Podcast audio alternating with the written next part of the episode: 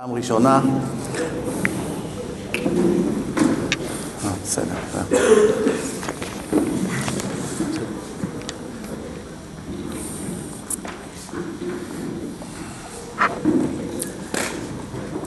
בפרשות האלו, מחר ולפני שבוע, התורה מספרת לנו בהרחבה על יוסף הצדיק, היחיד שנקרא באופן רשמי הצדיק. הגמרא מספרת שדוד המלך הוא ביקש מהקדוש ברוך הוא להיות הגלגל הרביעי במרכבה. יש כזה מושג שנקרא מר... מרכבה. יש כיסא הכבוד, יש מרכבה, זה דברים עמוקים בקבלה. והקדוש ברוך הוא ענה לו שהוא לא יכול. הוא לא הגיע לדרגה הנדרשת. דוד המלך שכתב את תהילים, מי שקורא תהילים מזדעזע מגדלות נשמתו. כמה כאלה אנשים אפשר על יד אחת לספור שחיו אי פעם בעולם הזה ברמה כזאת של צדיקות. צדיקות, איסורים, מגיל קטן זרקו אותו המשפחה, אבא שלו גדול הדור. שמונה אחים זרקו אותו להיות רועה צאן, חושדים בו שהוא ממזר, ביזיונות יום יום. כשבא שמואל למשוח אותו למלך, אבא שלו אפילו לא לקח בחשבון, אבא שלו גדול הדור, גדול הדור של אז, שלושת אלפים שנה, זה כמו כל גדולי הדור היום, פי אלף ביחד, תחברו, לא מגיעים לרמתו של ישי. הגמרא אומרת, ארבעה מעולם לא חטאו, הם רק נפטרו מן העולם בגלל חטא אדם הראשון והנחש וכולי, בעטיו של נחש. אם לא החטא הזה הם לא היו מתים כי החטא ממית, כמו שאמר רבי חנינה בן דוסה בגמרא, לא הערוד ממית אלא החטא ממית. העבירות ממיתות את האדם, הרבה לא מבינים את זה. אז הוא הוא ועמרם ובנימין בנו של יעקב וכלאב בנו של דוד המלך, ארבעתם מעולם לא חטאו. ישי גדול הדור, האיש הכי חשוב בעולם אולי, איזה ביזיון, תחשבו רגע, נולדת לרב הכי גדול בעולם, לאיש קדוש, ואבא שלך זורק אותך, אומר לך תהיה שם עם הכבשים, עם החליל, לך עזוב, אל, אל תסתובב פה, כאילו שלא תבייש אותנו. לא סתם הוא כותב בתהילים, אני עבדך בין אמתיך, אומרים את זה בהלל. מה זה אני עבדך בין אמתיך? היית היה צריך להגיד, אני עבדך בין עבדיך. הצדיק הגדול שמעולם לא חטא, מה? אם אדם כבר רוצה להתרברב על האיכות שלו, מתרברב בזה שאבא שלו גדול הדור, או שיש לו אימא צדקנית במטבח, עם כל הכבוד לה. אתם פעם שמעתם מישהו שבא ואומר, אני בן של הצדקת רבקה כך וכך. בזמן שאבא שלו זה הרב הכי גדול בעולם. יגידו לו, בסדר, עם כל הכבוד לאימא שלך, כבודה במקומה מונח, אבא שלך זה הרב הכי חשוב בעולם, מה עכשיו אתה עזבת אותו ובאת לאימא? נכון או לא? ככה יגידו, לא? תאר לך עכשיו הבן של הרב עובדיה היה אומר, אני אה, רק מדבר על עליה השלום מרגלית, שהייתה אשתו של הרב עובדיה צדקת. אומרים לו, רגע, רגע, אבל אתה בנו של מרן, גדול הדור, מה? למה אתה לא מזכיר מילה על זה? מיד אנשים היו מרימים גבה, מה הולך פה? נכון או לא? דוד שמר אמונים לאימו שהיא היחידה שקרבה אותו. תודה רבה. קרבה אותו ולמרות שהוא ככה, כי היא ידעה את האמת, היא ידעה שהוא לא ממזר. בכל אופן, הוא בא לקדוש ברוך הוא, אומר לו, ריבונו שלנו, אני רוצה להיות רגל רביעית, גלגל רביעי במרכבה, השם אמר לו, אי אפשר. למה אי אפשר? יש לך אברהם, יצחק ויעקב. ואתה עדיין לא עמדת בניסיון.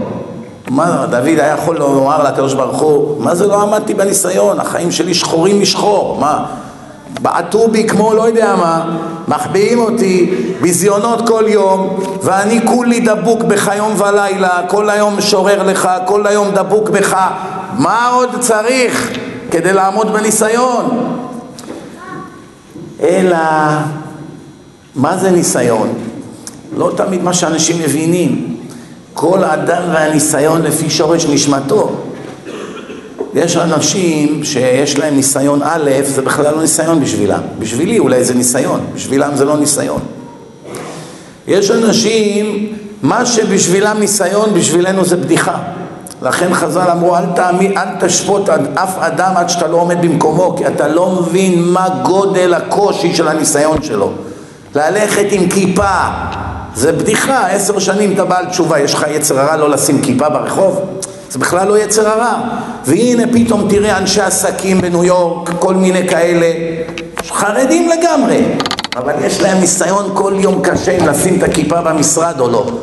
נכנסים גויים, נכנסים נשיאים, כל מיני דברים. ניסיון בשבילו, בשבילנו זה בדיחה. יש אדם שם ציצית באמריקה שקר שם, מצמר, בכלל לא ניסיון, אדרבה, זה עוזר בחימום גם. קר פה רצח, אז זה לא ניסיון בשבילו. אחד פה בלחות של תל אביב, בבני ברק, חום של 40 מעלות, 100% לחות, צריך עכשיו לשים ציצית צמר מגרדת, זה ניסיון בשבילו. אז ההוא מניו יורק אומר לו, מה, אתה לא מתבייש? ציצית אתה לא שם? זה לא, זה בשבילך זה לא ניסיון, בשבילו זה ניסיון גדול, גם שכרו הרבה יותר גדול משלך, כי הכל הולך לפום צער האגרא, לפי הצער ככה השכר בשמיים. איזה ניסיון דוד היה צריך לעבור? ניסיון עם אישה. שזה לפי הרמב"ם הניסיון הכי קשה שיש. אמנם לא לכולם, כמו שאמרתי, כל אדם והשורש נשמתו, אבל כנראה שבאופן כללי זה הניסיון הכי קשה שיש. למה? יש כמה ראיות לזה. א', חז"ל אמרו, אין אפוטרופוס לעריות, ולמיטב ידיעתי הם לא אמרו בשום עבירה אחרת את המשפט הזה. אין אפוטרופוס לאכילת טרפות, אין אפוטרופוס לעבודה זרה, אין אפוטרופוס לחילולי שבת, זה לא שמענו. מה אמרו? דבר אחד, נכנסת לשם תעבוד, עריות. דוד המלך אומר לקדוש ברוך הוא, אדרבה, תבחן אותי. אנחנו כל בוקר אומרים, אל תביא לידי ניסיון ולא לידי ביזיון, אל תביא אותי לידי ניסיון, למה לא? כל התכלית של החיים זה ניסיון, הרי כתוב בתורה, כי מנסה השם אתכם. כי מנסה השם אתכם. אז אם לא יהיה ניסיון, אם לא יהיה יצר הרע, אז אין לך מה לעשות בעולם, אז אדרבה, אם אתה מביא אותי למקום עבודה, תן לי הרבה עבודה. נגיד עכשיו אחד בא למשרד של נדל"ן, רוצה להיות סוכן, כמה שימכור יותר בתים או ישכיר, הוא ירוויח יותר כסף. אז הבוס שלו אומר, תגיד, כמה פגישות אתה רוצה שאני אסדר לך ביום? אחת, שתיים, אומר עשר. אומר, מה עשר? אומר, כן, עשרים גם. תן לי לבוא שבע בבוקר עד עשר בלילה, אני אעבוד. ירוץ מפגישה לפגישה. אומר לו, מה, אתה עבד? למה אתה כל כך רוצה לעבוד? אומר, מה זה אני רוצה? אני בכלל לא רוצה לעבוד, אני שונא לעבוד. אני אוהב כסף. אוהב כסף, לא יסבע כסף. אני אוהב לעבוד, אני רוצה לנסוע לפגישות, להתחנן לאנשים שיקנו בית, מה, מי רוצה את זה? אין ברירה, אני רוצה כסף, אז זה מה שאני מבין, שיביא לי כסף. זאת אומרת, מה רואים מכאן? שהניסיונות והעבודה והאדם לעמל יולד זה הכל לטובתו של האדם, אז אין מה להתלונן. מיד איך שביקש דוד המלך ניסיון, פתאום רואה את בת שבע, ככה עם היופי שלה על הגג. מכאן התחילה צרה. עכשיו, תראו דבר מעניין. זה לא עכשיו חס וחלילה כמו איזה אחד בעל תשובה חודשיים שהולך בתל אביב וראה איזה אישה ברחוב אז הוא הסתובב לראות אותה. לא מדובר כאן בכזה ניסיון. מדובר כאן בניסיון של גדול עולם, נשמת משיח, נשמה טהורה וגדולה, שכולם מבינים, מי שקורא את התהילים מיד מבין שלא היו חמש כאלה בכל ההיסטוריה. ובמי הוא מסתכל? בזאתי שהיא שורש נשמתו. הרי מה זה שידוכים? זה שני חצאי של נשמה שהם קשורים זה בזה, ויום אחד בחופה הם מתאחדים. ולכן אי אפשר, אפילו אם הם נפרדו לעשר שנים, הוא חי עם ההורים שלו ועם ההורים שלה, עשר שנים לא ראו אחד את השני, הם בריב. שכחו כבר אחד מהשני, עשר שנים, והלכה עם מישהו אחר, שניהם חייבים מיתה. מה מיתה? בעלי זרק אותי לפני עשר שנים, מה עכשיו, אני אצטמק פה לכל חיי? ואני גם בן אדם, רוצה מישהו חדש בחיי, מה יש? גברת, את לא יכולה, עוד לא קיבל גט. מה זה גט? ונתן לה ספר כריתות. צריכים לקרות בין הנשמות שלך. הנשמה שלך עדיין צמודה למישהו. אי אפשר שהנשמה תהיה צמודה גם לו וגם לו. אי אפשר כזה דבר. למה קוראים לבעל של אישה בעלה? מאיפה המילה הזאת בעל? באנגלית למשל אומרים husband. מה הפירוש של זה? כלום. סתם ישבו הוועדה של כל מיני פלגמטים והחליטו לבחור מילה. אומרים, היי, מיסטר ג'ונס, do you think? אומר, נבחר משהו עם P. לא, לא, it's not good. בסוף אמרו, אוקיי, בואו נבחר, סובבו את הרולטה, יצא H. אמרו, טוב, בואו נסובב עוד פעם, יצא, בסוף יצא להם husband. החליטו, יאללה, נקרא לבעל husband. אבל בתורה, כל מילה יש לה את המהות שלה, שהיא מעידה מה בדיוק היא מתכוונת. למשל, מה זה בעלה? מלשון בעל הבית שלה. לא להיפגע נשים. לא הכוונה מה שאתם חושבות, הכוונה בעל הבית שלה מלשון שהוא קנה אותה. קניתי אותך בכסף, הנה בית, הנה טבעת, הנה יהלום, הנה לא יודע מה, משהו שהסכמת, כל אישה והדרישות שלה. אישה לא חייבת להסכים להתקדש בטבעת של 100 שקלים או 200 או 500. היא יכולה להגיד לבחור, סליחה אדוני, אתה רוצה אותי? המחיר שלי הוא לא זול. אני רוצה בית בסביון. ומה אני, אני רק יצאתי מהישיבה, תני חמש שנים לנשום. שיהיה לך את הכסף, תבוא. היא לא חייבת להסכים להתקדש בטבעת או ב-55 אלף שקלים, 555 ו-55 אגורות. היא לא חייבת, היא תגיד תוסיף עוד כמה חמישיות, חכה לי. תוסיף כמה חמישיות. זאת אומרת, היא קובעת מה המחיר שלה. זה לא עכשיו עבד, לוקחים אותו, שמים אותו על סלע בשוק, רבותיי, שלושים. הכל שבא, קונים אותו בכסף, לא שואלים אותו כמה אתה שווה, לא שווה, יאללה, שלושים, גנבת, שמים אותך, נהיית עבד, נגמר הסיפור. אישה זה לא ככה. היא אומנם נקנית לגבר, אבל היא תקבע מה היא רוצה. לכן אין לה שום טענה. אני רציתי כך וכך, נתת לי, בסדר, לא נתת, שלום. ברוך השם, הנשים שלנו אין להם עיניים גדולות. מתקדשות יחסית די בקלות. טוב, אז עכשיו הוא מלשון בעלה, מלשון בעל הבית. מה זה עוד? בועלה. הוא אמור להיות זה שיבעל אותה, לראשונה בחייה ולאחרונה בחייה. ככה זה אמור להיות. אם חס ושלום העניינים לא יעבדו, כמו שאמרתי, נתן לה ספר כריתות, כורת אותה ממנו, ואז היא יכולה ללכת עם בעל אחר. אבל מהרגע שהוא בעל אותה עד הרגע שהם חס וחלילה קיבלו, הוא נתן לה ספר גט, כריתות, גט, מה זה גט? מה הפירוש המילה הזאת גט? הרי אין לה משמעות למילה הזאת. מאיפה באה המילה הזאת עכשיו? אלא מה זה גט? שתי האותיות היחידות בתורה שלא נמצאות זו ליד זו, שהן ברוגז אחת מהשנייה, זה ג' וט'. אף פעם לא תמצא בתורה ג' ומיד אחריה ט'. זה השתי אותיות היחידות שאף פעם לא תמצא אותן ביחד. בגלל זה גט מסמל פירוד. אף פעם הם לא יהיו יותר ביחד. זהו, נפרדו. ולא רק זה, גט כשר צריך שיהיה בו 12 שורות. ג' זה שלוש, ט' זה תשע, זה מסמל גם על המהות של הגט. כמו שאמרתי, המילים מעידות על עצמם. אז בעל מלשון בועל.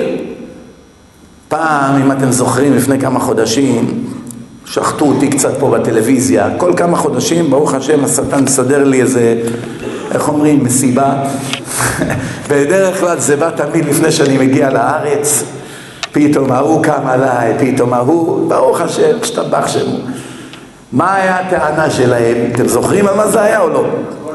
תפסו איזה, איזה קטע שלי מלפני כמה שנים, שאמרתי, למה הקדוש ברוך הוא עשה באישה בגוף שלה סימן היכר שביום שהיא תהיה עם בעלה לעתיד, הוא יוכל לדעת אם היא כבר הייתה עם גבר לפניו או לא. עשה לה סימן בגוף, שהיא לא תוכל לשקר, להגיד לו, אתה הראשון שאני אי פעם מדברת איתו. עשה בה חותם. אז נתתי דוגמה, שימו לב איך הם מעוותים. אמרתי, אדם הולך לסופרמרקט, הוא רוצה לקנות בקבוק קוקה קולה. לאו דווקא קולה, יכול להיות גם ספרייט. הוא רוצה עכשיו לקנות בקבוק קוקה קולה, יש מאות על המדפים. פתאום הוא רואה אחד, הפקק שלו פתוח, כלומר יש טבעת והתנתקה הטבעת. את הבקבוק הזה הוא לא יקנה, נכון? למה? הוא יודע, הבקבוק הזה הוא משומש, נגמר הסיפור, אני רוצה משהו חדש, נכון? לכן החברה עשתה טבעת, דהיינו סימן היכר, שאי אפשר לרמות את הקליינט. אתה יודע, בעל הבית לא יכול להגיד לו, לא, לא, אני מבטיח לך, אף אחד מעולם לא פתח את הבקבוק. למי אתה מספר סיפורים? החותם מעיד על עצמו. דוגמה יפה, לא? מה שמו השמאלנים בעיתון? אוהבי הדת למיניהם, במרכאות. הרב, יש להם, אני כבר למדתי אותם טוב טוב, זה ממש סוגיה בפני עצמה, השמאלנים האלה. מצד אחד, הם תמיד גם זורקים לך איזה שבח. הם באים לשחוט אותך, אבל הם תמיד כותבים, הרב הפופולרי מהאינטרנט. ואז באה השחיטה. למה? כדי שמי שלא הכיר מי זה, עכשיו יקרא את הכתבה. אז חייבים להגיד איזה משהו טוב עליו כדי לגרות את כל הרשעים לבוא ולקרוא את הרכילות. אז אם, אם לא ירגיע, אנשים יראו, מי זה בכלל המזרחי? מה זה? אני אף פעם לא שמעתי עליו. אז אף אחד לא ילחץ.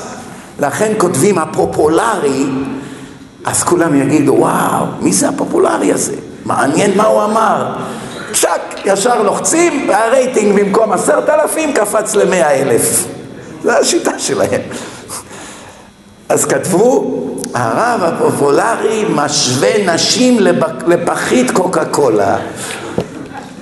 הבנתם? אני אתן לכם עוד דוגמה. תראו מה זה עולם השקר. תראו מה זה רשעות מכוונת ומתוחכמת. בסופו של דבר את הכל יביא השם במשפט, כן? לא לטעות. כמה שתהיה ערמומי ותערים על אנשים, המכה שתקבל תהיה יותר כואבת. זה הם עוד לא יודעים. יגיע זמנם. אבל למשל, אני אתן לכם עוד דוגמה.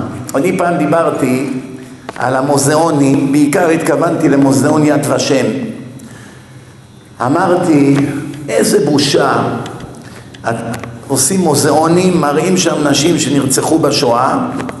הנאצים הרי באו, צילמו הכל, הפשיטו אותם מבגדים, העמידו את כל הנשים ביחד ואת הגברים ביחד. אנשים ככה התכווצו כדי לא, שלא יתפסו תמונה שלהם רגע לפני שרצחו אותם. ואת התמונות האלה שהנאצים צילמו, הרי מי צילם? זה רק הנאצים היו שם, רגע לפני תאי הגזים, הם היחידים שהיו בפנים לצלם, התמונות האלה נמצאות פה היום פה בישראל, בירושלים. אז אמרתי, אם זה שערך את המוזיאון, אם זו הייתה אימא שלו, סבתא שלו, או בת שלו, או אחותו, עם התמונות האלה ככה עומדות רגע לפני שרצחו אותם בלי בגדים, הוא היה תולה אותם ביד ושם על הקיר, שכל העולם יראה את אימא שלו ערומה רגע לפני ששרפו אותה, לא מתביישים, אין להם בושה בכלל. מילא לפחות תצניע את הגוף, שים איזה כיסוי, משהו לטשטש, לא חייבים לראות אותה במערומיה, שלא לדבר כבר על הצניעות פה, אני, הם חילונים, לא מעניין אותם צניעות, אבל כבוד האדם, מה עם כבוד האדם? בקיצור, אז אני אמרתי שהם באו לצלם, החילוניות המסכנות, הן עמדו ככה מיואשות כבר, הן לא יודעות מה זה עולם הבא, נשמה, גן עדן, לא, עמדו מיואשות, אז צילמו אותם, כי הראש שלהם היה עוד מעט שורפים אותי. כבר לא התרכזה עכשיו במצבה, עם בגדים, בלי בגדים. חרדיות שהם כל חייהם חינכו אותם, יש עולם הבא, יש עולם הבא, העולם הזה זה רק כהרף עין. איך אומרים, העולם הזה ברגע נגמר, והעולם הבא זה עולם האמת. וגם החרדיות ידעו מהיום שהם הלכו לישיבה בגיל קטן, שכמה שאתה סובל יותר בעולם הזה, ככה יותר טוב העולם הבא שלך. זאת אומרת, היה להם תקווה. אמנם אנחנו עכשיו מושפלים עד עפר, אמנם שורפים אותנו, אבל לפחות אנחנו הולכים למקום שכולו טוב. אז הם התקבצו כולם ככה שלא יצלמו אותם. זה כל מה שאמרתי. שמו כותרת למחרת, הרב טוען, החילוניות הצטלמו בעירום לנאצים. יעני, כאילו מה אני אמרתי? שהם קראו להם בואנה האנץ, אדולף, בוא מהר מהר תביא את המצלמה, צלם אותי. ככה הם מציירים את זה. הנה לכם דוגמה מה זה רשעות של אנשים ערב רב. זה המציאות, ככה עובדים על אנשים פה מקום המדינה ועד היום, רצחו פה מאות או אלפי אנשים פה עד היום. אתם יודעים, יימח שמם הנאצים, אם כבר הזכרנו אותם, הם לקחו פרוכת של, של בית הכנסת, ששם היה כתוב, זה השער להשם, צדיקים יבואו בו. זה השער להשם, צדיקים, הכוונה זה שערי שמיים, לגן עדן, כן? תפסו את זה, תלו את זה בכניסה לתאי הגזים. כאילו להשפיל אותנו עוד יותר. אז עמדו היהודים שם, אמרתי לכם, נשים פה, גברים פה, כולם הורידו להם את הבגדים, מה אמרו להם? יש על הקירות ווים עם מספרים, מאחד עד לא יודע כמה. כל אחד יתלה את הבגדים שלו על וו ויזכור את המספר. כשתצאו מהמקלחות, אז תדעו איפה הבגדים שלכם. אבל ידעו כבר, הרבה מהם ידעו שכל מי שנכנס לשם נהפך לעשן, איזה מקלחות. אבל איך הם עבדו על הפסיכולוגיה שלהם, שאפילו בן אדם שיודע במאה אחוז שהולכים לשחוט אותו, אם זורקים לו איזה מילה של תקווה, הוא נאחז בה. כאילו, הנה, בסדר, אני תכף יוצא מהמקלחת ואני אחזור לבגדים, ואנשים הלכו ותלו. הרי אם אנשים לא היו מאמינים, אף אחד מהם לא היה צריך לטרוח בכלל, לתלות את הבגדים. היו זורקים את זה ישר פה על הרצפה ונגמר הסיפור. מה אתה עושה? בגדים בבוץ. ספר סיפורים לסבתא שלך, מנוול, מה זה ווים, מקלחות. אנחנו בדיוק יודעים. אבל היה שם איזה בחורי ישיבה, קבוצה של צעירים, אחד מהם היה מבחינת פנחס, קנאי להשם. אמר להם, רבותיי, כולנו יודעים לאן אנחנו הולכים. עוד כמה דקות נגיע בשערי שמיים לקדוש ברוך הוא. אנחנו יודעים שאין פה מקלחות ולא נצא מפה. למה אתם פנים תשעה באב כולם פה? למה? הרי עכשיו אנחנו הולכים להיכנס למקום שבו השתוקקנו להגיע אליו כל ימי חיינו. הרי למה האדם בא לעולם? הרמח"ל כותב בפתיחה למסילת ישרים, העולם הזה פרוסדור לעולם הבא. מקום ההטבה אינו בעולם הזה, אלא בעולם הבא. והעולם הזה מכין אותך לעולם האמת. אז עכשיו אנחנו הולכים להישרף על קידוש השם, אנחנו שומרי מצוות, אנחנו בחורי ישיבה, יודעים שעשינו תשובה, אין לנו מה לפחד, אנחנו הולכים למקום מצוין, אז מה אתם כולכם ככה פנים על... קדימה, מעגל ומתחילים לשיר. אשרינו מה טוב חלקנו, התחילו לשיר, עשו מעגל, התחילו ככה לשיר. פתאום הגרמנים ראו ככה, בא החייל, שקט, צועק, לא מתייחסים אליו בכלל, אני אירה בכם, תירה, עוד יותר טוב. לא מתייחסים אליו, הוא קורא למפקד, הוא קורא להוא, הם נבוכים. פתאום המפקד אומר להם, מה אתם כל כך שמחים? אומרים לו, אנחנו יודעים שבעוד כמה דקות אתם הולכים לשרוף אותנו, אתם עושים לנו כזאת טובה, שולחים אותנו לגן עדן, איך לא נשמח? כל חיינו חיכינו לרגע הזה. ועוד במיוחד שאתם שוחטים אותנו כיהודים בכלל למדרגה הכי גבוהה, הרוגי מלכות. איך לא נשמח? התחילו לרקוד. מה עשה הגרמני הזה עם אח שימו? כאב לו הלב. אמר להם, אתם יודעים מה? אתם לא תמותו היום. סיפור אמיתי. אף אחד מכם היום לא ייכנס שם. תתלבשו מהר, קח אותם מפה. שליש מהם ניצלו, הצליחו לנהל. עכשיו הרגו אותם אחר כך. שליש מהישיבה הזאת ניצלו בסוף, ספר את הסיפור הזה. פעם אחת, בתקופה שלפני עשרים ומשהו שנה, שאני עוד גרתי בשכונה במנהטן, איפה שהיה הרב משה פיינשטיין זצ"ל, נקרא East Side. זו הייתה השכונה היהודית הראשונה באמריקה. למה? זה, מי שהיה פעם במנהטן, יש מקום all the way downtown, כל הדרך למטה, זה נקרא סיפורט, זה הנמל, מיד פסל החירות, לא רחוק. כשהיהודים הגיעו מאירופה, כולם הגיעו לנמל, ירדו עם המזוודות, ואני מדבר איתכם מאה שנה לפני השואה, מאה חמישים שנה לפני השואה, לפני מאתיים שנה, יותר אפילו. אני הייתי בבית כנסת, ראיתי גמרות משנת 1780. מתפוררות כמו חול בידיים שלי, רק אתה פותח הדף צהוב, מתפורר. גמרות ענקיות כאלו, מדפוס ישן, עקום, גמרות לפני כמעט 300 שנה. שומעים? באו היהודים, יהודי יורד עכשיו מהאונייה עם מזוודות. יורד, כמובן הביא איתו קצת זהב, קש. רוצה עכשיו מה, מקום, הלכו, ראו שם כל מיני מקומות, ומוכר, מוכר, התחילו לקנות. זה קנה, זה קונה, זה קונה חנות, זה קונה בית. כל אחד שבא, לאט לאט היהודים כבשו את כל האזור ליד הנמל, בטווח הליכה. לא הלכו עכשיו לחפש, התחילו לקנות נדל"ן. וזה נהפך לשכונה, אז, אז כולם כמעט היו דתיים, אז זה נהפך לשכונה חרדית, כל האזור, הכל ביידיש, כל מיני חנויות, כמו בגטאות של פעם. ככה זה התחיל. אז היה שם אחד בשם עזרא שולנט, עליו השלום. יהודי נמוך כזה. יום אחד הוא רואה אותי במעלית, הוא מסתכל עליי, כאילו הוא זקן ואני צעיר, מדבר איתכם מעל עשרים שנה. הרים את השרוול, אומר לי, יאנג מן, איש צעיר, don't ever forget, אומר לי, מראה לי את המספר, אף פעם אל תשכח. התחלתי לשאול אותו, ברוך השם אתה ניצלת. אומר כן, אבל הרגו את כל המשפחה שלי, כל הילדים, אשתי, כולם. שאלתי אותו, איך ניצלת? הוא אומר, עשר פעמים באו להרוג אותי וקרה כל פעם נס. הוא אומר, פעם אחת בא אחד לירות בי, הוא ירה בי, האקדח לא עבד. שם, מנסה, דופק את האקדח, הורג את עצמו, מקלל בגרמנית, לא יורה האקדח. משתגע. איכשהו ניצלתי, הוא זרק את האקדח והלך. אומר, פעם אחת הייתי כבר עומד בשורה לנידונים להורג, עוד שנייה יורים בי, פתאום בא איזה אחד, אומר, אני צריך מישהו עם אצבעות קטנות. הוא היה איש נמוך עם אצבעות קטנות. עברו ככה בכל הרשימה של האנשים, בדקו להם באצבעות, אומר, אתה טוב בשבילי, בוא. איך שאני הולך איתו, טה-טה-טה, הרגו את כולם. עוד שנייה הורגים אותי. ככה מספר לי.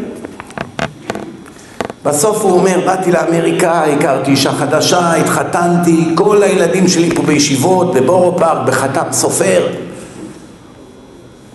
ואז הוא סיפר את אחד הסיפורים המפורסמים, זה כבר אפילו מופיע בספרים. הוא מספר שיום אחד הנאצי אמר לו, נתנו לו איזו עבודה והוא היה שר. היה שר, שר, שר. אז אמר לו, שתוק, מה אתה שר? והוא המשיך לשיר, לא עשה לו חשבון. הוא אומר לו, אני תכף אהרוג אותך. הוא אומר לו, לא אכפת לי, תהרוג אותי. אומר לו, אבל אתה יודע איך אני אהרוג אותך? אני לא אהרוג אותך במוות רגיל, אני אתן לך לחפור עכשיו קבר ואני אקבור אותך חי. אני אכסה אותך ככה, חי אני קובר אותך. אמר לו, מה שאתה רוצה תעשה, אתה לא מפחיד אותי. איזה אומץ היה לו. וכל היהודים עומדים שם, כולם בלחץ עכשיו, לא, שלא יהרגו אותו. אומר לו, תתחיל לחפור. הוא חופר ושר. חופר ושר. הוא משתגע, הגרמני הזה. אומר לו, תתפשט. מוציא את הג'קט, מוציא את המכנסיים, הכל נשאר עם גוף עירום והציצית עליו. ציצית ככה בלויה, קרועה. אומר לו, מה זה זה? תוציא גם את זה. הוא אומר לו, לא, לא, זה אני לא מוציא. אומר לו, מה זה? תוציא את זה, אתה הורדת את כל הבגדים כבר, תוציא גם את זה. אומר, זה אני לא מוריד. אז הוא אמר לו, למה? למה זה חשוב את זה שלא תוריד? אתה כבר במילא ערום. אז הוא אמר לו, זה, זה לא בגדים רגילים. זה, זה שברא את העולם אמר לי לשים על עצמי כל יום. זה אני לוקח איתי לעולם הבא. זה שאמר לי לשים את זה כל יום, הוא זה שהולך להתנקם בך ולתת לך את מה שמגיע לך. אני לא מוריד את זה. עכשיו הוא אומר, הגרמני נכנס לו פחד בעיניים, מפלצת כזאת, אפילו הוא נכנס לו פחד מן הדין. תראו מה זה. הסתכל עליו בהיסוס, עכשיו הגרמני היה במצב, זה נקרא באנגלית catch 22. אתם יודעים מה זה catch 22? אוי לי אם אומר, אוי לי אם לא אומר. רבי שמעון בר יוחאי המציא את המושג הזה. ואי אם אומר, ואי אם לא אומר. יש דברים, אם תגיד, תסתבך, לא תגיד, גם תסתבך. אז הוא, הגרמני מהסס עכשיו. אם אני אהרוג אותו, באמת אני אקבל אולי עונש גדול על זה. ואם אני עכשיו אתן לו ללכת, מה יגידו כאן כולם? תראה את היהודי, איזה צחוק עשה מהגרמני. אז הגרמני ככה חושב חושב, אומר לו, אתה יודע מה?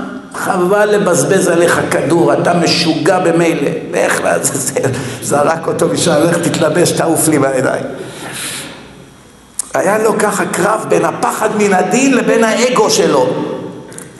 אתם יודעים, באמריקה יש קהילה, זה נקרא חסידי קלוזנבורג, צאנס. היה עיר שם, קלוזנבורג. היה להם רבה, רבה. חסידים יש להם רבה. יום אחד הרבה, אחרי המלחמה, הוא החליט לבוא לניו ג'רזי, ליד ניו יורק.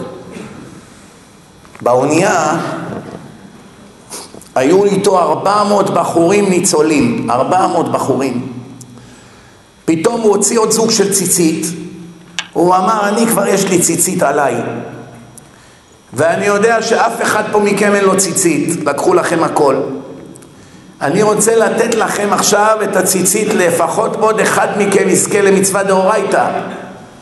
אני רוצה לעשות הגרלה, ומי שהמספר שלו יעלה בהגרלה, יקבל ממני את הציצית מתנה. קפץ איזה יהודי אחד, תפס חולצה היחידה שהייתה לו, לבנה, היא שחורה כמו פחם, מלכלוך. קרע אותה בצד ימין, קרע אותה בצד שמאל, היא נפתחה עכשיו כמו ציצית, אומר לו, כבוד הרב, עכשיו יש לי בגד של ארבע כנפות, זה מחויב בציצית. אומר לו, עכשיו אתה חייב לתת לי את זה, אין הגרלה. הרבי אומר לו, תרגיל יפה, אבל כתוב בתורה, את מוצא שפתיך תשמור. זה הנושא של ההרצאה היום. את מוצא שפתיך תשמור. ואני כבר התחייבתי לעשות הגרלה לפני שאתה התחייבת בציצית. אבל אני בטוח שאם אתה באמת עד כדי כך צדיק לשם שמיים, שהמספר שלך יעלה בהגרלה. ארבע מאות בחורים. שמו הכל שם בקערה, שלפו את המספר, איזה מספר יצא. המספר שלו עלה בהגרלה. כתוב, ברצות השם דרכי איש, גם אויביו ישלים עמו. אם השם מרוצה ממך, גם האויבים שלך ישלימו איתך. לא יתנגדו לך ולא יזיקו לך. אבל יש כאן בעיה. מצד אחד כתוב למשל, רב שאין לו אויבים הוא לא רב. אם אוהבים אותו כולם הוא לא רב, אם שונאים אותו כולם הוא לא רב.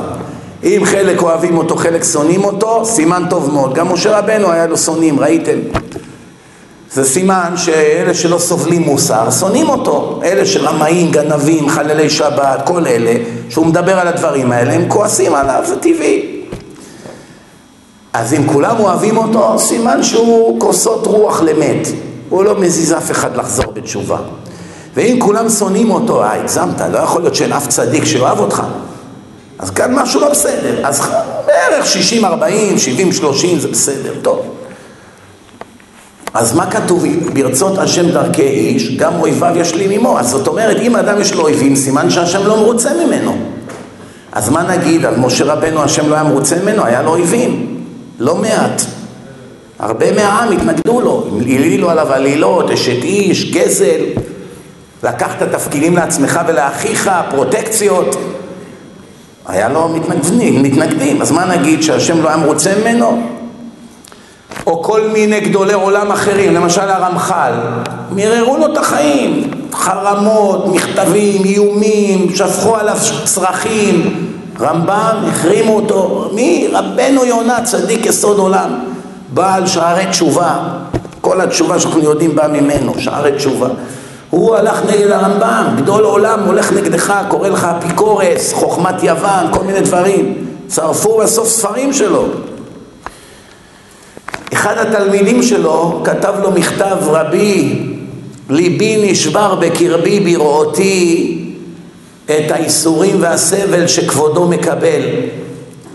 אמר לו הרמב"ם, אני מתפלא עליך שאתה לוקח ללב. שיעבור, שתעבור הגאווה מן העולם אחרי שאני והמתנגדים שלי נלך מן העולם, בטוחני שלא יהיה בית בישראל שספריי לא יהיו בו. ככה הוא ענה לו. עכשיו זה הכל אגו וקנאה וכבוד. יבוא יום, אתה תראה הספרים האלה, האמת סופה תמיד לנצח, אין לך מה לפחד. רק מה? השם משפשף אותך. אתה רוצה להיות ליד משה רבנו בעולם הבא, תעבור קצת ייסורים, חביבי, מה אתה רוצה? גם ליהנות בעולם הזה, גם בעולם הבא, להיות במדרגה הכי גבוהה. אז מה זה ברצות השם דרכי איש גם אויביו ישלים עמו? חז"ל ענו לנו, לא כל אויביו, חס וחלילה. אם כל האויבים שלך ישלימו איתך, זה לא סימן טוב בכלל, זה סימן שאתה חנפן לרשעים. ומי שחנפן לרשעים אינו מקבל פני שכינה, לא כמו שחלק מעוותים את דברי חז"ל. אדרבה זה כבוד גדול שהרשעים שונאים אותך. בן אדם שהרשעים אוהבים אותו, סימן שהוא לא הרבה יותר טוב מהם. מציאות חייב שהרשעים ישנאו את הצדיקים. צופה רשע לצדיק ומבקש לעמיתו, זה פסוק בתהילים. ומה כתוב בסוף? חרבותם יבואו בליבם. אם אוהבים אותך הרשעים, סימן שאתה חנפן, סימן שאתה אומר להם מה שהם רוצים לשמוע, וודאי אתה לא מייצג את השם כשורה. אז מה זה אויביו ישלים עמו? כתוב בגמרא, אויבי איש, אנשי ביתו, אשתך, הילדים שלך. מה זה, הם אויבים שלי? הם החיים שלי, מה זה הם אויבים שלי? ועוד כתוב, היתושים. חרקים, יתושים, באים, עוקצים אותך כל הזמן. סימן שהשם עכשיו כועס על משהו. תתעורר חביבי. על זה מדובר, חז"ל גילו לך מה פירוש הפסוק הזה, אויבי איש. מי האויבים שלך?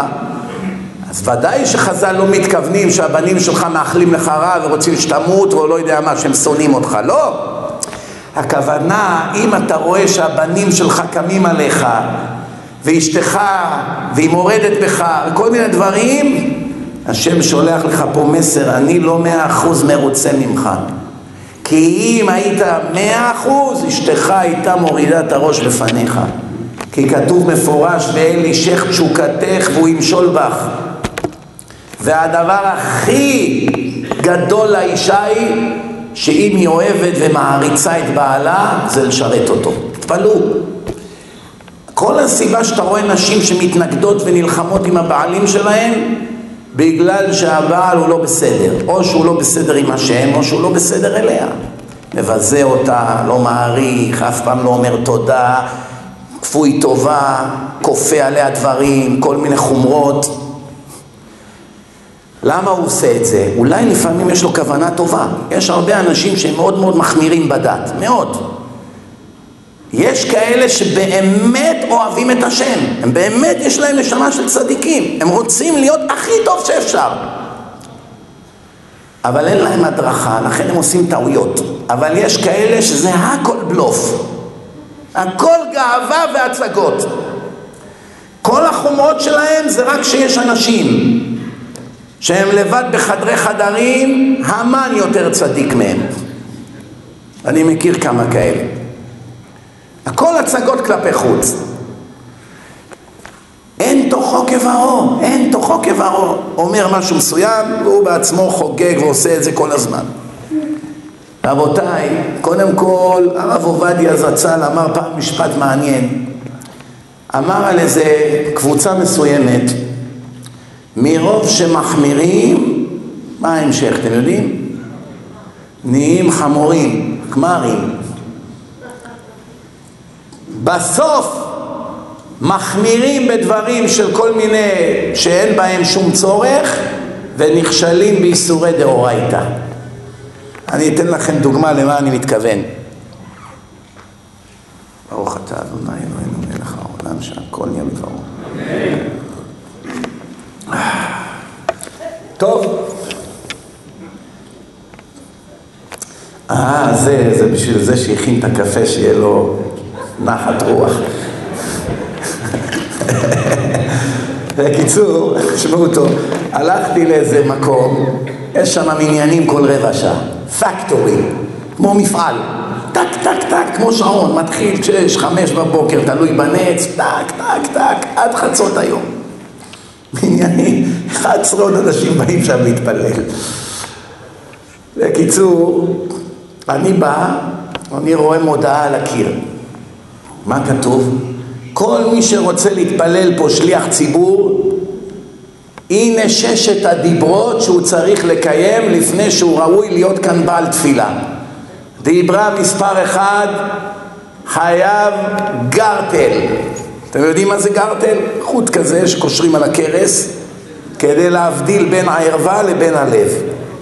היום בימינו שיש חגורות, אין קשר בין הערווה ללב, לא, לא צריך את זה, רק מה זה זכר למנהג שהיה פעם, אז היו לובשים גלימות, אז הערווה והלב היו רואים זה את זה, לכן כשהם שמים את החגורה זה היה עושה חציצה. למה? כי כתוב שעולים על המזבח זה מין רמפה כזאת. אז התורה אומרת, אל תלך בצעדים גדולים. כשאתה הולך בצעדים קטנים, הערווה לא נחשפת. אבל אם אתה עושה צעד גדול, מפסק ככה את הרגליים, זה חושף את הערווה על מזבחו של השם. זה מקום של קודש. רואים מכאן שאפילו מתחת לבגדים זה עדיין זקוקים פה לצניעות. אז החז"ל למדו מזה, אמרו נעשה הפרדה בין הערווה לבין הלב. אבל היום בימינו שיש מכנסיים עם כפתורים, חגורות, אוטומטית, אין שום קטע. אז מנהג, יפה, מנהג, טוב. זה הדיברה הראשונה. דיברה שנייה, חייבים כובע. כובע. הכובעים השחורים שהחרדים לובשים היום, מאיפה הם באו? מחז"ל? מה אתם אומרים, רבי עקיבא היה לו כזה כובע איטלקי? אה? מד אין איטלי? בורסולינו? לא היה לו את זה. מה לבשו היהודים? כל מיני טרבן כאלה, קשירות כאלה, תרבושים, זה מה שלבשו, כמו הבן איש חי וזה. גם הערבים, גם היהודים, כולם היה להם תרבושים, ההודים, כולם. בניו יורק יש לך את הסיקים האלה, יש להם כולם תרבושים כמו של הבן איש חי. טרבנס כאלה, מה זה, וכולם זקנים ולובשים לבן. הייתי מצלם אחד מהם ומביא לכם, הייתי אומר לכם, צדיק מגיע עוד רבע שעה, רבותיי, כבר הייתם עומדים בחנייה לחכות לו. ובסוף הוא משתחווה לפרה. אבל מה זה נראה? וואלה, היו אומרים לך בואנה זה, אני יודע, מתקופת הרמב"ם, איזה צדיק גדול, וואו, השתבח שמו. איפה הוא קבור? איפה? איך השם אמר לשמואל, שמואל בא להמליך את דוד, אז הוא ראה את כל השבעה האחים עומדים, חסונים, יפים, בריאים, צדיקים, כולנו נבונים, כולנו... בסוף הוא אומר לו, מה, השמן לא נשפך, חייב שיהיה לך עוד בן. לא, לא, לא יכול להיות, זה אחד מאלה. לא, לא, לא. תביא אותו. איך שהוא נכנס, השמן קפץ נגד חוקי הגרביטציה. נגד, הוא לא היה צריך לשפוך עליו את השמן בכלל. קפץ ישר עליו. קפץ.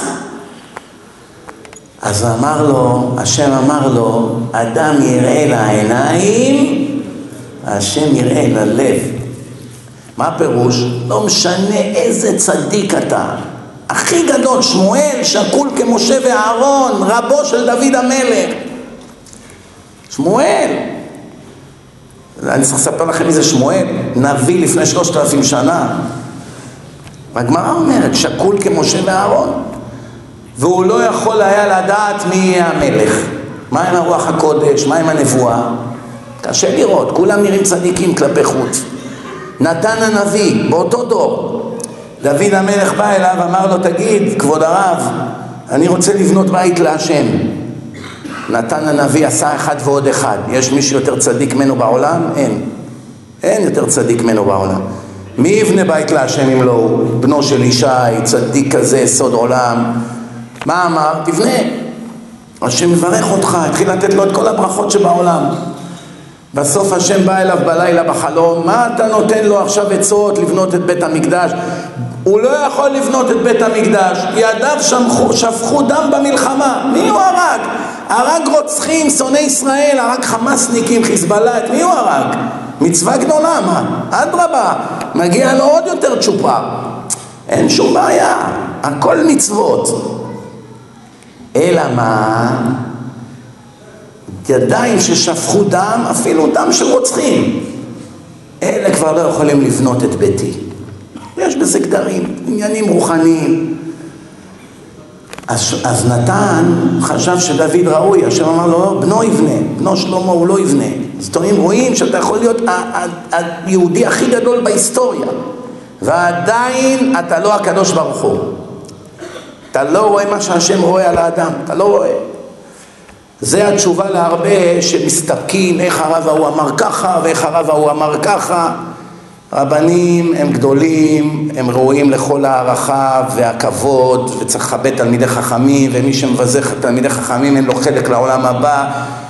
יש המון המון דברים וצריך מאוד מאוד להיזהר. אבל חייבים לזכור שרב, כמה שיהיה גדול, הוא לא הקדוש ברוך הוא. זה הרבה שוכחים. יש אנשים שמתפללים לרבנים שנפטרו, שהם יושיעו אותם. ממש. אומר, אני לא יכול להתחבר להשם, אלא אם כן הוא יחבר אותי, הנפטר שקבור פה.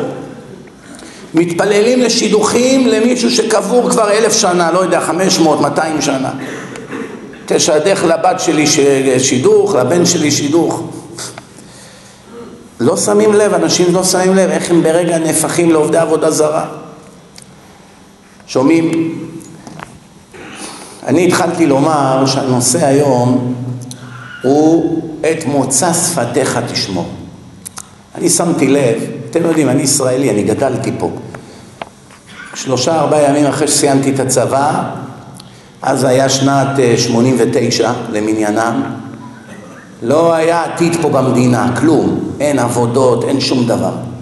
אוניברסיטה לא היה בתוכניות שלי, בקושי בגרות עשיתי. הראש שלי אז לא היה בלימודים ודברים כאלה. למצוא עבודה של כמה שקלים לשעה גם כן לא היה בתוכנית שלי. התחלתי לשבור את הראש, מה אני אעשה? אני עומד להשתחרר מהצבא. אבא שלי היה לו חבר עליו השלום, איזה טורקי אחד שהיה חי בבת ים, שהיה לו אח עשיר שחי בניו יורק, שיש לו כמה חנויות. אבא שלי אמר, תראה, אין פה עתיד במדינה. אולי אני אדבר עם דני, שידבר עם אחיו אייזיק, אולי הוא יסכים לקחת אותך לעבוד אצלו שם בניו יורק. אמרתי, בסדר. הוא אומר לי, תשמע, הוא עוד מעט מגיע בקיץ לארץ, הוא אוהב לשבת בים, הוא לוקח מלון בחוף הים בבת ים, הוא יורד לים, לך, תהיה איתו, שיראה שאתה בחור טוב וזה, שיתרשם ממך. אז אני, איך הוא התרשם ממני? אני הייתי הולך לשחק איתו שש בש. ואני הייתי צריך להפסיד. כשאני אמצא חן בעיניו, למה אם אתה מנצח בן אדם מבוגר, נכנס לו הגאווה. אז אני הייתי משחק איתו, אני מצאתי חן בעיניו, בסוף באה הבקשה, סוף הקיץ. אחיו בא, אמר לו, שמע אייסיק, אולי תיקח את הבן שלו וזה. אמר, כן, דווקא בחור נחמד, אין לו ילדים עכשיו, תראו איך השם סידר, תראו איך השם חושב על כל פרט. אם היה לו עכשיו מלא ילדים, משפחה, איפה היה לו ראש עכשיו לקחת אחד? אבל זה אדם עשיר, כל היום שוכב בבית מהמר על סוסים, אין לו מה לעשות, משעמם לו, סוף סוף יבוא מישהו, ישחק איתו קצת שש בש, יגור בווילה שלו, מה אכפת לו? אמר, דווקא רעיון טוב שיבוא. עליתי על מטוס, נסעתי לאמריקה. עכשיו הגעתי לשם, זה היה שנת 89, ספטמבר 89, כמה ימים לפני ראש השנה זה היה. הרב סרן שלי פה בטייסת ברמון אמר לי להתראות בעוד שלושה חודשים במילואים. אמרתי לו, תסתכל עליי טוב, כי אותי כבר לעולם לא תראה. כי ידעתי שאני כבר נוסע לאמריקה. הוא אומר לי, כן, זה כולם אומרים, אל תדאג, עוד שלושה חודשים אתה תבוא לכאן כמו טאטאלה. אבא שלי אומר, חמש שנים הוא טלפן כל שבוע. איפה הוא? באמריקה, אל תשקר. אז לא היה כמו עכשיו, הכל ממוחשב, בשנייה יודעים הכל. אל תשקר אותי, אדון מזרחי. אתה יכול לבוא הביתה לבדוק. חמש שנים הגאווה שלו הרגה אותו שצדקתי. סוף סוף איזה חייל שאמר לו לא תראה אותי כי אין. קיצור הגעתי לאמריקה. אמריקה ופה זה עולם אחר. אבל עכשיו שאני בא כל פעם לארץ, שמתי לב דבר מאוד מעניין. הרבה אנשים שהם בעלי תשובה או חרדים מלידה, לא מקפידים פה על מה שכתוב בתורה, את מוצא שפתיך תשמור. חלה, מי אני לתת מוסר? אני רק אומר לתועלת, לתועלת כולנו. בן אדם אומר לך, אני עוד עשר דקות אצלך, מגיע עוד שעתיים. בן אדם אומר לך בבוקר יהיה לך צ'ק, עוד חודשיים אתה עוד לא מקבל את הצ'ק. אה, אני אעשה כך וכך וכך, אני תכף שולח לך את הפרטים שלי באימייל, הולך ונעלם. כל מיני דברים כאלה, שאתה אומר לעצמך, אני לא מבין, מה, האנשים האלה לא יודעים שהשם מקפיד על מוצא שפתיים? בן אדם אמר, אני קונה במחיר כך וכך, לא חתם, לא התחייב, לא תקיעת כף, כבר יש לו מחויבות בשמיים, זה לא צחוק. בן אדם אפילו ערער לתת צדקה לאיזה מישהו, כבר זה בחזקת נדר. רק ערער לתת לאיזה תלמיד ישיבה 200 שקלים, 300. הרהר, הוא כבר מחויב. מה זה צחוק? בן אדם אמר, יש כאן אלף כבשים, כל כבש שווה 300 דולר. אלף כבשים. אמר, הכבש הזה הקדש לבית המקדש. תרומה לבית המקדש, אני נותן אותו דוניישן. פתאום אשתו קראה לו, הוא לא שם לב, הכבש הזה עכשיו התפזר עם עוד הכבשים, איפה אתה? איפה? עכשיו הוא רואה אלף כבשים, אלף. איפה הכבש? לא יודע, התערבב עם כולם. כל האלף בית המקדש, אי אפשר עכשיו להשתמש בהם, כלום, לא חלב, לא צמר, לא שום דבר. מה? אחד מתוך אלף, זה בטל בשישים. הקדש חביבי, את מוצא שפתיך תשמור. אדם אמר לאישה כמה מילים, הרי את מקודשת לי. נגמר הסיפור, אף גבר בעולם לא יכול לגעת לה באצבע, ולא להסתכל עליה אפילו. לא יכול להסתכל עליה אפילו, שלא לדבר על לגעת. עד יום מותה. אלא אם כן ניתן לה עכשיו גט. תראו מה זה כוח הדיבור. אדם למד 70 שנה תורה, נהיה הרב אלישיב, 70 שנה רצוף, פוסק של עם ישראל, הוציא ניבול פה אחד מהפה, איזה קללה ברגע של עצבים. 70 שנה של קדושה ירדו לטמיון מיד, בניבול פה אחד, חז"ל אומרים. לא הכוונה חס ושלום שהוא הפסיד את השבעים שנה לימוד, השכר מחכה לו לעולם הנצח. הקדושה שנבנתה אצלו בשבעים שנה ירדה לאפס. אתה יודע, לבנות, לבנות בניין לוקח שנים, להוריד אותו שנייה. בום, פיצוץ והוא נופל. לבנות שנים, להרוס שנייה.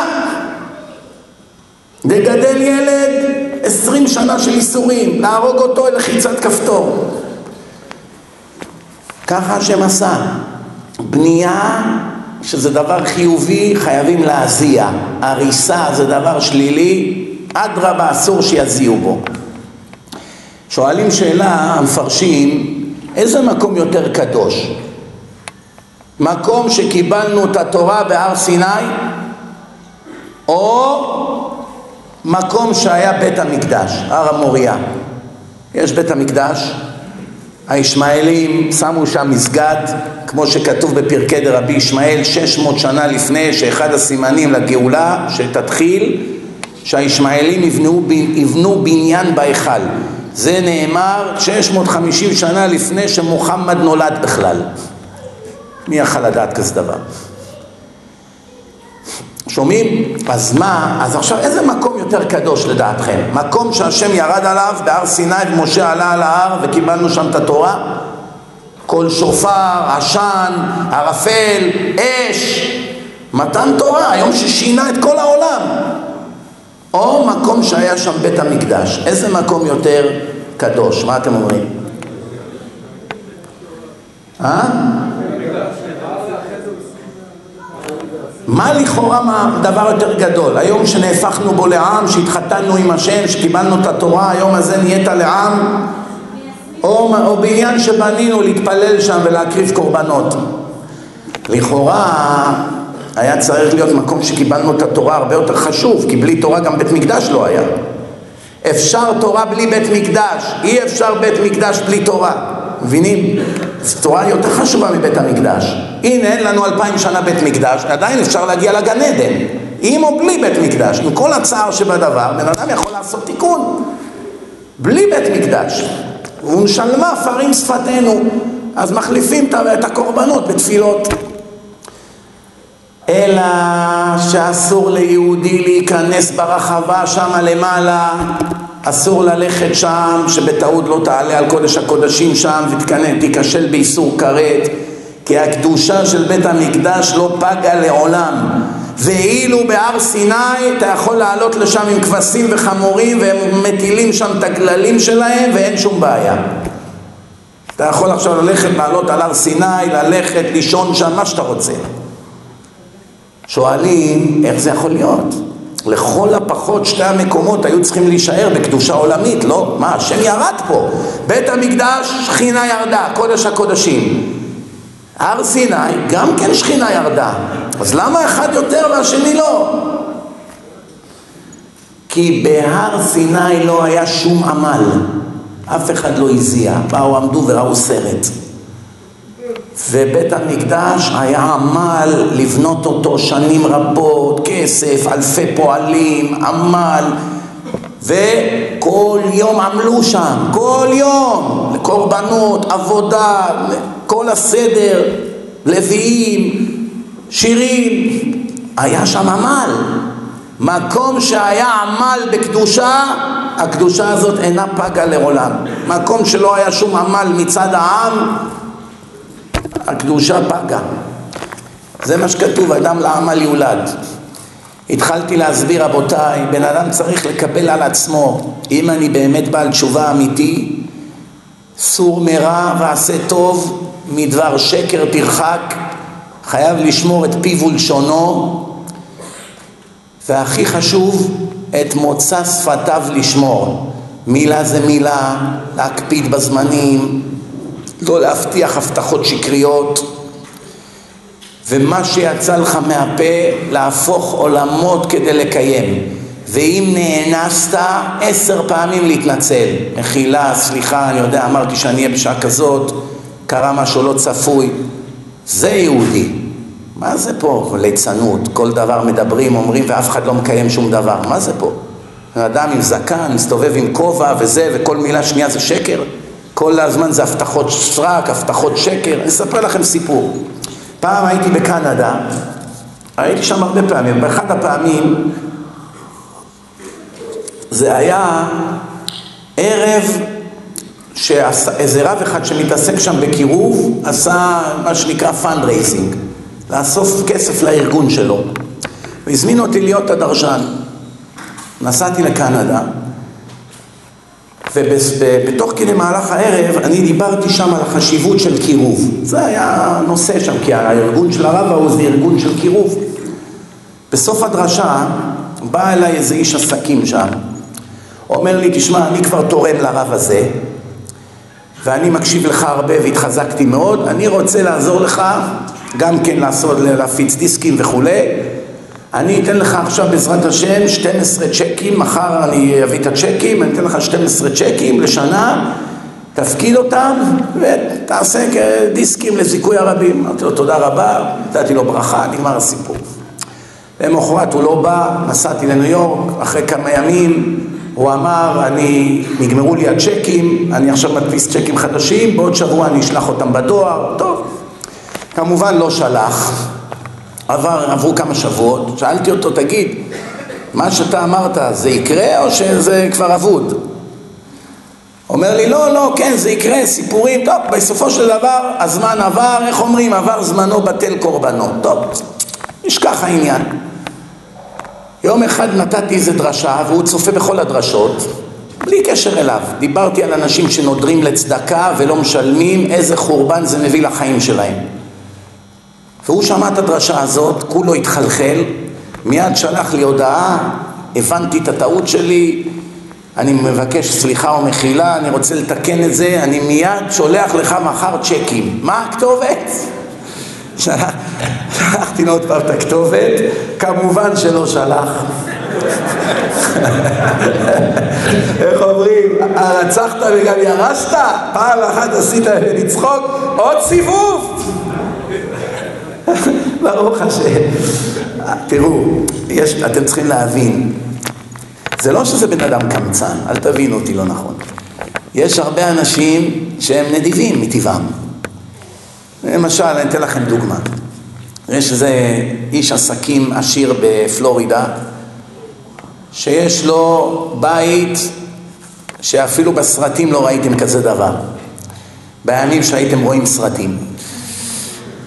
בקיצור, הוא הזמין אותי לשבתון. הוא עשה לעצמו בית כנסת, שלא יצטרך ללכת רחוק.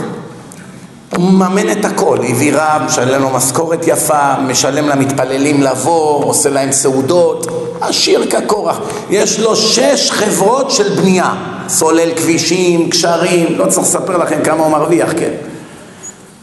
בקיצור, אני בא אליו לשבת, אני מתארח אצלו, שבתון, עכשיו אנחנו הולכים לבית הכנסת. עכשיו מי שמבין מה זה פלורידה, זה חום רצח, מאה אחוז לחות.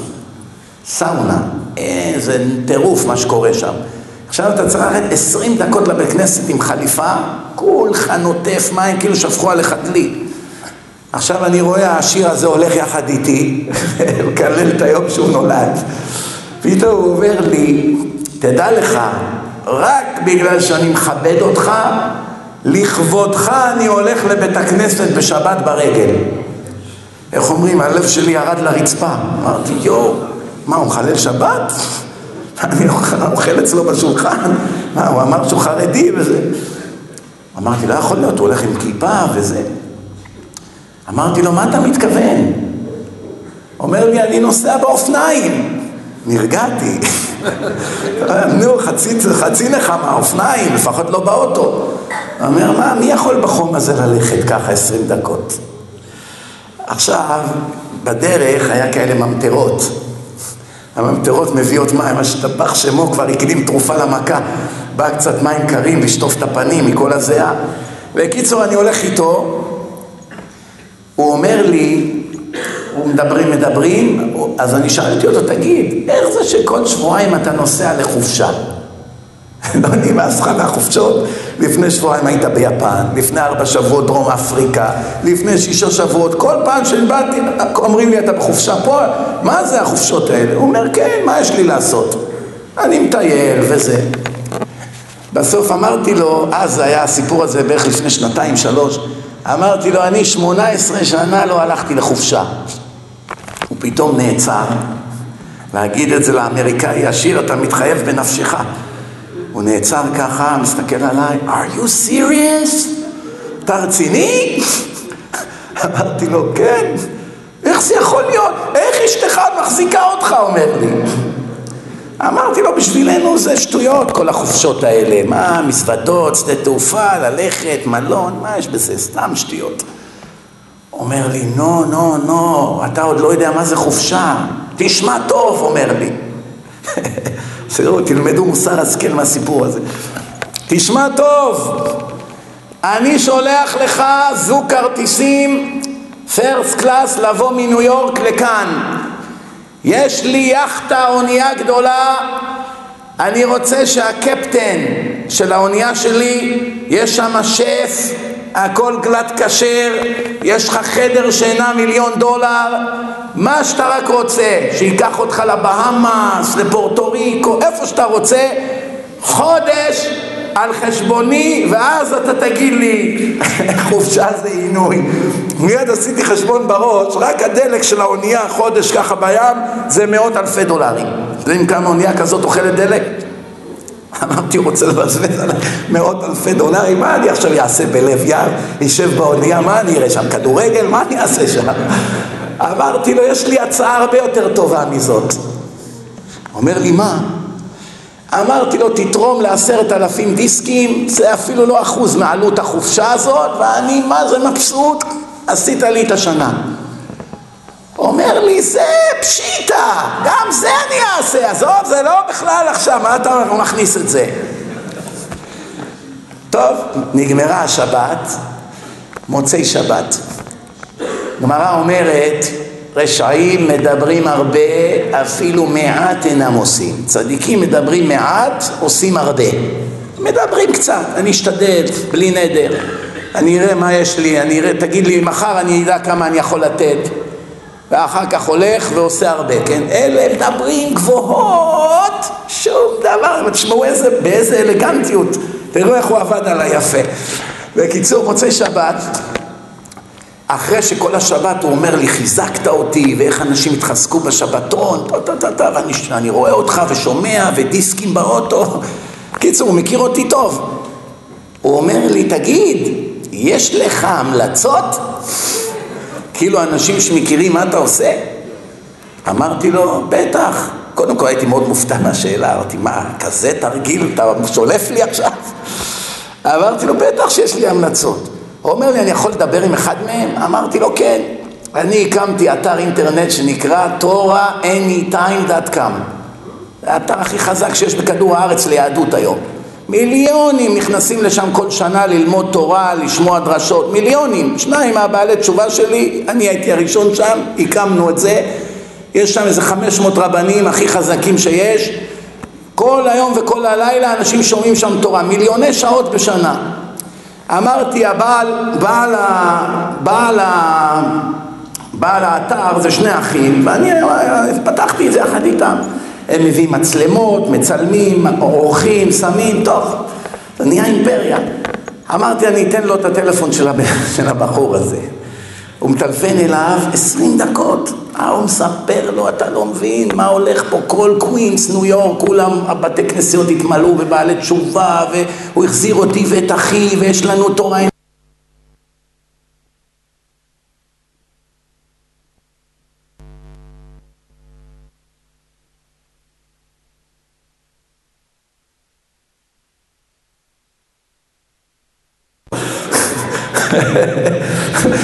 עכשיו היה שם עוד אחד, גם כן איזה דתילוני אחד, בא עם רולס רויס, אומר לי, אל, אל, אל תתאמץ עליו.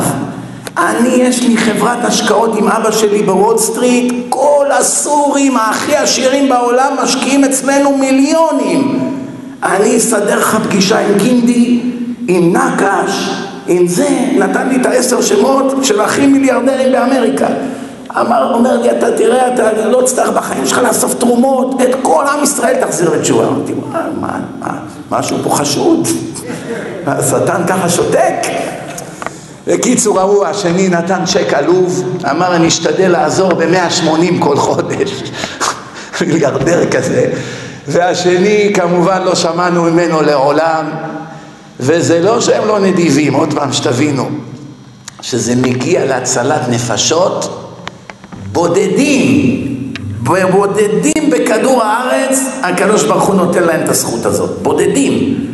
ראיתי אנשים סופר נדיבים, בונים בתי כנסת, נותנים לחולים, נותנים לעניים, תומכי שבת, מה שאתה רוצה. לא קמצנים, באמת אנשי צדקה. להציל נשמות, להחזיר אותם בתשובה, אין להם זכות לתת 100 דולר בחודש. אתה רואה את זה, כאילו איך פתאום ליבו מתקשה, אתה רואה בעיניים שלך כמה משמיים לא נותנים, כמו שהשם אמר למשה, הקשה את ליבו של פרעה. למה? למה לבנות בית כנסת כן יש לו זכות, לתת לעניים כן יש לו זכות, אבל לקירוב רואים שמונעים ממנו משמיים. ועוד פעם, אם היה קמצן, אז קמצן להכל, אז אין, בסדר, הוא לא אוהב לתת.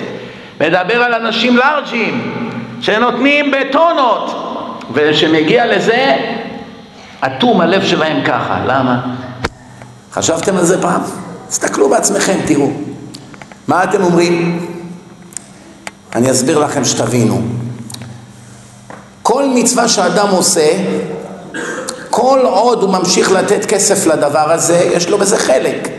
הוא מחזיק למשל את הבית כנסת, משלם את ההוצאות, חודש התפללו שם כך וכך אנשים, יש לו בזה זכות. חודש הבא הוא לא נותן, הלך לו הזכות. המממן החדש לקח את הזכויות. אותו דבר ישיבה, אתה מחזיק אברך לחודש, נתת לו אלף דולר. נגמר החודש, אתה לתת לו עוד פעם אלף דולר. לא תיתן, הלך הזכות. חודש החזקת, נהיה לך זכות בתורה שלו. חודש הבא לא תיתן, אין זכויות. להחזיר יהודים בתשובה זה בכלל ליגה אחרת לגמרי, לגמרי, אין בכלל מה להשוות. למה? זה כמו לטעת עץ וכל שנה הוא מביא פירות, פירות, פירות לנצח, מאה שנה, מאתיים, שלוש מאות שנה. אתה מרוויח לנצח, זה לא עכשיו אתה צריך כל פעם מחדש לשתול את העץ כל יום. זה סוג של עץ שמניף פירות לנצח, וזה רק הולך וגודל כמו כדור, כדור שלג, מתגלגל וגודל וגודל. למה?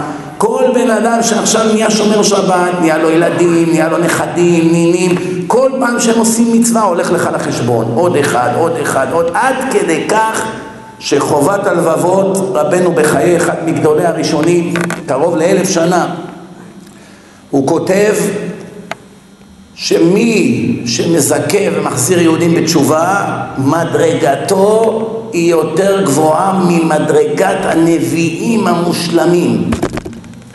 דרגתו בשמיים יותר מהנביא ישעיה, יותר מהנביא ירמיהו.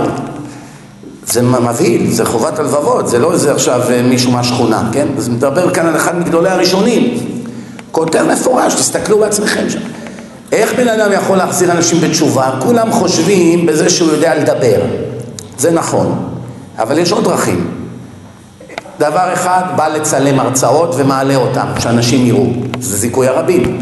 צורף דיסקים ומחלק לאנשים. קונה דיסקים בכסף שלו ומחלק לאנשים. מממן. פותח את הבית שלו לשיעורי תורה לפחות פעם, פעמיים בשבוע.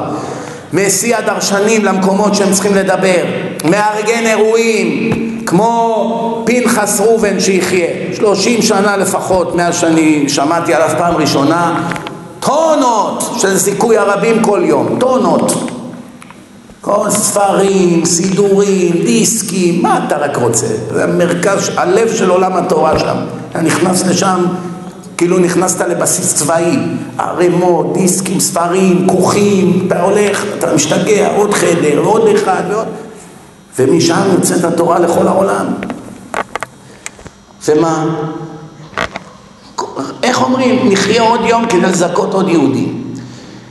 מה, מכאן אתה רואה שבן אדם יכול לקנות את עולמו במדרגות כאלה שאחרי שהוא נפטר, הזוהר אומר אי אפשר לגעת בו, אי אפשר לגעת בו, אפילו שהוא עצמו לא היה צדיק גדול, לא בדיוק טלית שכולה תכלת, בגלל שבזכותו ניצלו יהודים שאין דבר שהשם אוהב יותר, אין לאף אחד רשות לגעת בו, כאילו מין תעודת ביטוח מיוחדת. מבהיל זה. איפה כתוב על, על בן אדם שעושה עבירות שאי אפשר לגעת בו? מה רואים מכאן? פעם היה, לפני 450 שנה, לפני שנסיים אני אספר לכם עוד סיפור, המהרש"א, שמעתם עליו, אחד מגדולי המפרשים על התלמוד. המהרש"א היה לו שיער ארוך ככה. למה היה לו שיער ארוך? אל תדאגו, הוא לא היה בוויליג' או בסן פרנסיסקו. הוא היה קושר את השערות שלו לנברשת, כיוון שהוא לא רצה להירדם, ללכת לישון. הוא היה כל הזמן לומד, איך שהוא היה נרדם, הראש נופל, זה מושך לו את השערות ומעיר אותו. איך אומרים? זה מעיר אותו כל הזמן, ככה הוא היה קושר את השערות שלו לנברשת. יום אחד היה תלמיד בעיר, היה שם איזה אחד רשע גדול בעיר, כולם שנאו אותו, מת. עכשיו לוויה של הרשע, לוקחים את הגופה שלו, באו התלמידי ישיבה, ביקשו מהם לבוא שיהיה מניין. אחד התלמידי ישיבה בא לגופה שם עם האצבע שלו, נתן מכה על האף של הרשע הזה, אומר, אה, ברוך שפטרנו. נתן לו ככה מכה על האף. זה, כולם צחקו שם, בחורי ישיבה, איך אומרים, בעבוד רשעים רינה, פטרנו מהרשע הזה. בלילה התלמיד ישיבה הזה הולך לישון, פתאום בא לו הרשע הזה בחלום, אני לא אעזוב אותך עד שאני אחנוק אותך למוות. מה קרה? מה? ביישת אותי ליד כולם, במקום לעשות לי הספד, ביישתם אותי ככה ביום המוות. אה, אל תהיה כזה מקפיד, סליחה, טעיתי, זה היה רגע של שטות. שטות, אה? אני לא עוזב אותך עד שאני לא הורג אותך. ההוא התעורר, השתגע, אה, זה כנראה הרהורים של היום שהייתי בלוויה. למחרת עוד פעם הוא בא לישון, עוד פעם הוא בא לו, העשיר רוצה לחנוק אותו, הרשע.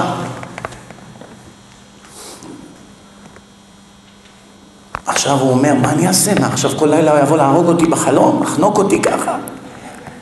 יש איזה בחור אחד גר ברחובות, לפני 15 שנה הוא בא אליי עם שני בחורים מרחובות. אחד מהם היה צנחן, השני גם כן fighter. באו אליי לשבת, שולחן שבת יושבים, מתחילים לדבר, הבחור הזה מרחובות מתחיל ללכלך על מי? מצא לו על מי ללכלך. על מי הוא מלכלך? על הרב עובדיה זצ"ל. התחיל לזרוק מילים, כל... השתגעתי, אני אצלי בבית, אני מארח אותו. מקרב אותו, הוא מתחיל ככה בסוף לדבר. והשניים האחרים אומרים לו, היי, מה קורה לך אתה? די, תעצור את עצמך, די. אתה מבייש אותנו, מה, באנו פה לשבת, זה... והוא קריזיונר, עם אגו, דופק על השולחן, קנה את הבית כבר. אמרתי, ריבונו של עולם, איזה פדיחות פה, המשפחה, הילדים, הכל ניסיונות משמיים. ההוא רואה שעכשיו השני חברים שלו גם נגדו, זה מה שעוד יותר הדליק אותו. כאילו, מה אתם עכשיו נהייתם לי חרדים? קם באמצע השולחן, הלך לחדר, נכנס לחדר. לא עברה דקה, שתי דקות, שלוש דקות, לא יותר. אנחנו יושבים, נבוכים, היה אווירה לא נעימה, אתה יודע, אחרי כזה... לא הרגשנו בנוח שם בשולחן. פתאום אנחנו שומעים צעקות מהחדר. נבהלנו, קמנו, קפצנו שלושתנו, רצים לחדר, פתחנו את הדלת, אני רואה אותו יושב במיטה ככה עם הידיים שלו על הגרון, העיניים שלו בחוץ, והוא ככה נחנק, או, נחנק ככה וצועק. אמרתי לו, אל תיגעו בו, תזהרו. כמה שניות, ככה התחיל לנשום, נושם, נושם, נושם. מה קרה, אתה בסדר? אומר, בא איזה מישהו חנק אותי בחלום. תביאו לו מים. אז החבר שלו, אילן הזה, הצנחן מרחובות, אומר לו, אתה רואה מה קורה כשאתה מדבר על אנשים קדושים? בקיצור, הוא חזר בתשובה אותו אחד. אחרי איזה כמה שנה, שנתיים, אני שואל אותה, מה עם ההוא? מעביר פה שיעורים בבן איש חי. השתבח שמו, מי יודע, שלחו משאלה מישהו לחנוק אותו, לפחות משהו טוב יצא מזה. בקיצור, ההוא, התלמיד הזה, עכשיו הרשע הזה לא נותן לו להירדם. אמרו לו, לך למהרשע. מי לנו כמהרשע גר פה בעיר? הוא בא למהרשע, הוא מספר לו את הסיפור, המהרשע אומר, משהו פה בסיפור לא מסתדר. איך ייתכן שנותנים רשות לרשע הזה להפריע לתלמיד ישיבה שלא יוכל לישון בלילה על איזה שטות קטנה שהוא עשה? זה לא ייתכן. אני בא לישון אצלך הלילה. אני רוצה לראות מה קורה. בא המהרשע, יושב לידו, ההוא ככה נרדם, פתאום באמצע הלילה, עוד פעם ההוא מתחיל לצעוק, המהרשע אומר לו להוא, דבר איתי, דבר איתי, תסביר לי מה הולך פה. בקיצור, ההוא מתגלה אליו, אומר לו, אומר לו, מה, למה אתה מציק לבחור ישיבה הזה? אומר לו, בגלל שהוא ביזה אותי ביום הלוויה. אומר לו המהרשע, נכון, אתה צודק, אבל אני לא מבין. עם כל הכבוד לך, מי אתה בכלל שנותנים לך משמיים רשות להפריע לבחור ישיבה שיושב כל יום לומד תורה? זה לא מסתדר, זה נגד הכללים. אומר לו הבן אדם למהרשע, מי אמר לך כבוד הרב שאני רשע? אומר לו, מה זה מי אמר? כולם יודעים שאתה אוכל נבלות וטרפות ומחלל שבת, לא צריך יותר מזה, ודאי אתה רשע. אומר לו, אתה צודק, באמת חיללתי שבת ואכלתי טרף, הכל אתה צודק, אבל יש דבר אחד שאתה לא יודע. אומר לו, תספר לי. אומר, יום אחד הלכתי ברחוב, ויש את הגשר הזה, ואיך שבאתי מעל הגשר, פתאום אני שומע צעקות, ואני רואה איזה יהודי אחד טובע במים. מיד עם החליפה שלי, איך שהייתי לבוש, קפצתי למים, שחיתי, הוצאתי אותו מהמים, הצלתי את חייו, והתחלנו לדבר. ואז הוא סיפר לי שהוא תלמיד ישיבה, שהוא עני גם. הוא בא פה לשחות, הוא עני. והתחברנו, ואמרתי לו שאני אשלח לו כל חודש 200 רובל כדי לעזור לו שיישאר בישיבה וכולי. ומאז כל חודש מימנתי אותו שישב וילמד תורה. כשהגעתי לשמיים הביאו נגדי אין סוף עבירות, השטן, קטרוגים, השתגעתי. ופתאום בא מלאך אחד ואמר אי אפשר לגעת בו. הוא מימן תורה ויש פה בעיה, אי אפשר עכשיו, רגע, זה לא פשוט, הוא מימן תורה, הוא מימן תלמיד חכם. אז אמרו לי, טוב, ניתן לך רשות להתנקם בתלמיד הזה שבייש אותך. אתה מוכן? אמר, בטח, זה מה שהוא רצה. אמרו, בבקשה, והנה נתנו לי רשות, ואני לא אעזוב אותו עד שאני לא לוקח אותו. אמר לו המהרשע, ישמעו אוזניך מה פיך הטיפש מדבר. כיוון שהיה בעיה בבית דין של מעלה בגלל שהייתה לך זכות שהצילה אותך עושים לך תרגיל כדי לקבור אותך אחת לתמיד אם אתה תהרוג את התלמיד ישיבה על כזו שטות מיד השטן יבוא וישתמש בזה כראיה שלך ולתורה אין שום קשר לא מעניין אותך לממן תורה, לא מעניין אותך תלמידי ישיבה הנה על כזו שטות הרגת תלמיד ישיבה. אבל אם אתה תמחל לו בלב שלם בזכות זה שהוא תלמיד ישיבה והוא לומד כל יום תורה אז לא יהיה טענה נגדך. הנה אתם רואים הוא מכבד תורה. פתאום הוא הבין, הטיפש הזה הבין. אומר לו תנוח דעתך הרבי שהסברת לי את זה ועזב אותו. הוא לא בא יותר. הנה לנו דוגמה מה זה החשיבות של זיכוי הרבים שאתה מזכה יהודים אחרים לעשות מצוות ועוד תורה גדול המעשה יותר מן העושה, הגמרא אומרת. מי שגורם לאחרים לעשות מצוות, הוא מקבל יותר שכר מאלה שעשו את המצוות. הם מקבלים שכר מלא, זה לא גורע מהם כלום. אבל הוא מקבל מה שהם מקבלים פלוס בונוס. אחלה ג'וב. כל אדם פה בקהל, ברוך השם, יש כאן הרבה אנשים, כל אחד פה בקהל יכול להיות מזכה הרבים ענק. יש בחורים, הם מפיצים תורה בטונות, אתם לא מאמינים, בחורים צעירים, בכלל הם לא תלמידי חכמים, הם, הם רק חזרו בתשובה שנה, שנתיים. הם כבר, הם כבר אחראים למאות בעלי תשובה בזכות הפעילות שלהם, שמפיצים תורה, דיסקים, כל מיני דרשות בכל מקום ומקום.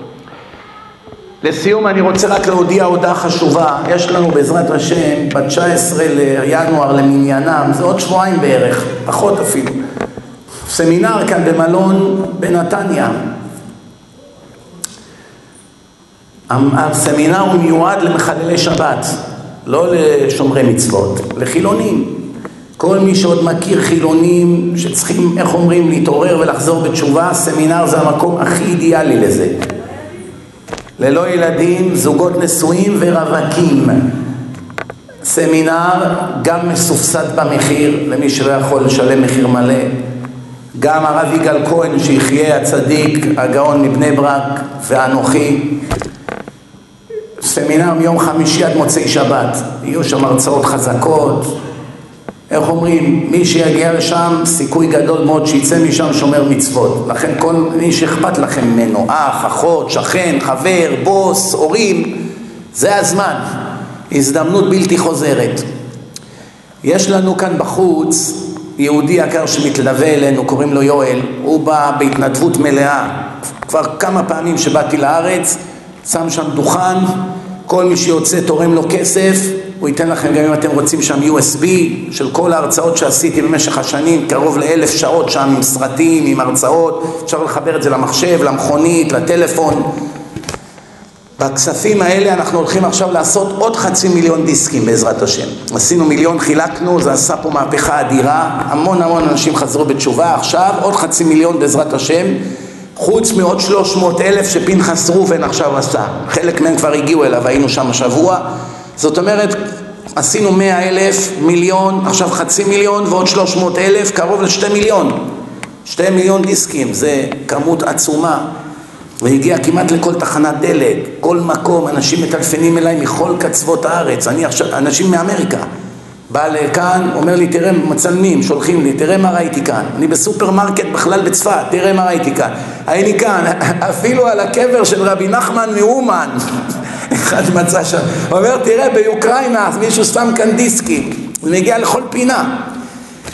למי שמכם לא מבין מה זה, מה זה דיסק, יש בן אדם אחד שהיה מדריך טיולים במדריד, יהודי אבוד, אין במדריד כלום, לא בית כנסת, לא חנות של כשר, לא יהודים, לא שום דבר. יהודי כמו גוי גמור, מדריך טיולים במדריד. אני הייתי באיסטנבול, לקחתי לשם הרבה דיסקים, אחד מהם תורה ומדע באנגלית. שמו שם דיסקים, שני גרמנים גויים נסעו לטיול באיסטנבול ומשם לספרד. שהיו באיסטנבול רואים תורה and סייאנס באנגלית.